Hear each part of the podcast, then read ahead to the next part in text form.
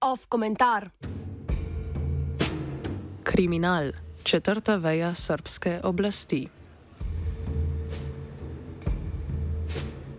V odzivu na množična streljanja prejšnjega tedna je srpsko notranje ministrstvo napovedalo strožji nadzor nad lasništvom streljnega orožja. Napovedujejo, da bodo za dve leti ustavili izdajanje orožnih listov za kratkocevno orožje in v naslednjih mesecih izvedli pregled vseh že izdanih dovoljenj. Pripravljajo tudi predlog zakona, po katerem bi bile osebe, ki omogočijo posedovanje orožja mladoletnim ali nepooblaščenim osebam, kazensko odgovorne. Starostno mejo za kazensko odgovornost nameravajo znižati z 14 na 12 let. Od ukrepov, ki so že začeli veljati, izstopa predvsem prisotnost policije v šolah. Po vsaki šoli namreč že patrulira par policistov. Drugi ukrep, ki že velja, pa je mesečni rok, ki ga je srpska vlada postavila lastnikom nezakonitega orožja, da ga predajo policiji. To lahko storijo brez posledic in brez dokazila o njegovem poreklu.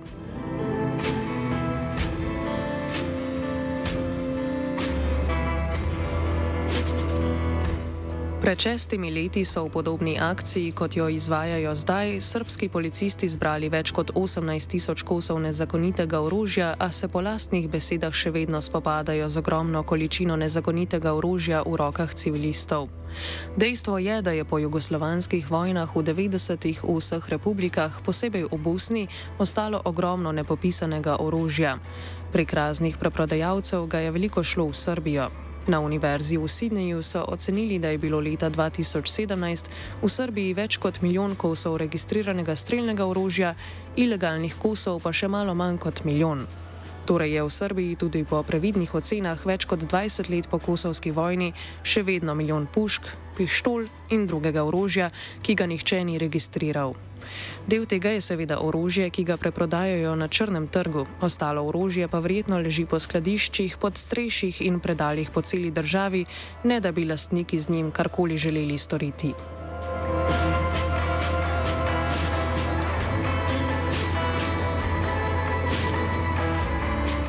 Akcije, ki jih srpska vlada izvaja za zbiranje nezakonitega orožja, povezuje to, da predaja orožja poteka brez posledic. V obdobjih, ko akcij ni, predaje orožja obravnavajo kot nezakonito posedovanje orožja. Po eni strani je to povsem razumljivo. Če za predajo orožja ne bi bilo nikakršnih posledic, bi se srbsko podzemlje oziroma kriminalne organizacije lahko znebila orožja, ki ga ne potrebujejo več. Po drugi strani pa to lahko koga, ki bi se odpovedal svojemu orožju, vendarle odvrne od predaje. V zadnji akciji leta 2017 so zbrali skoraj 20 tisoč kosov, po atentatu na srpskega predsednika vlade Zorana Džinžiča leta 2003 pa kar 50 tisoč. Tedaj so oblasti v operaciji operaciji Sablja polovile več članov kriminalnih organizacij, ki so bile upletene v atentat. Vlada pa je razpustila rdeče baretke, specialno policijsko enoto, ki je bila povezana med kriminalci in varnostnimi aparati. Ne glede na uradne krivce za Džinžičevo smrt in vse državne akcije po njej, je jasno, da je Džinžič moral umreti zaradi njegove odločenosti, da poseže v povezave med oblastjo in kriminalci.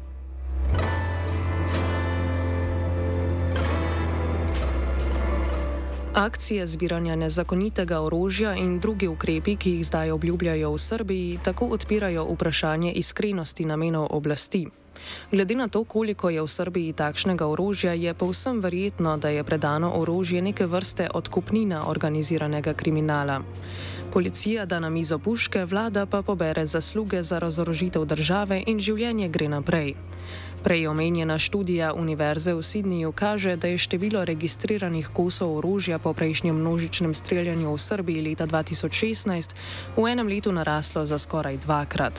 Predvsem pa je v tem letu naraslo število nezakonitih kosov, saj se je po ocenah univerze dvignilo z 65 tisoč na več kot milijon. Kljub temu, da je orožje v Srbiji še iz časa vojn, zabeležen porast ni preprosto posledica vojn, ampak moramo vzroke zanj iskati v delovanju organiziranih tolp.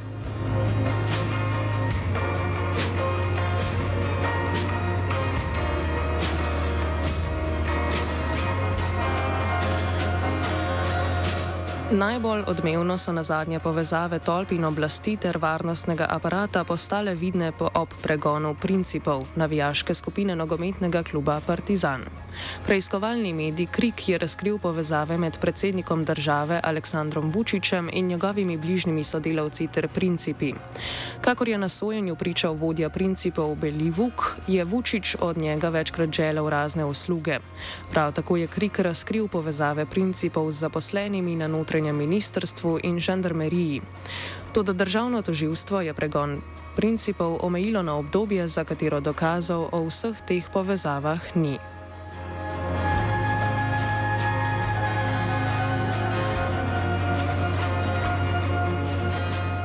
Z razumevanjem pomembnosti organiziranega kriminala za srpske oblasti postane jasno, zakaj kljub temu, da na zbiralnih akcijah policija vedno znova na dan privleče več tisoč kosov orožja, količina neregistriranega orožja v državi ne upade.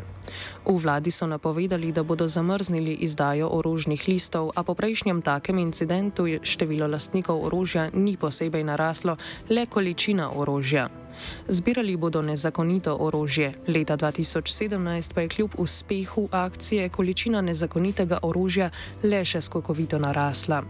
Vučić napoveduje razorožitev Srbije, a izkušnje kažejo, da taki poskusi, če so sploh iskreni, niso uspešni.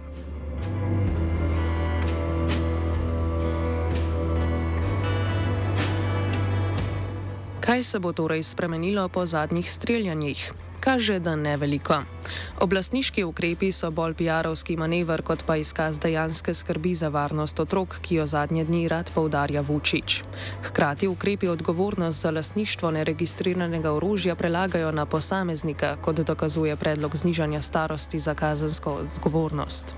Ne na zadnje so imeli še konec lanskega leta srpski poslanci na mizi spremembo policijskega zakona, ki bi v istem diskurzu individualiziranja krivde policiji omogočil uporabo tehnologije za prepoznavo obrazov. Vlada je sicer tedaj zakon iz postopka umaknila. Z ukrepi vlada zaostruje varnostni diskurs in odvrača pozornost od glavnega vira problema. To pa je seveda prepletenost države, predvsem njenih varnostnih organov in organiziranega kriminala. Če ne gre za fotografiranje ob zasegu druge ali orožja, o tem Vučić raje molči.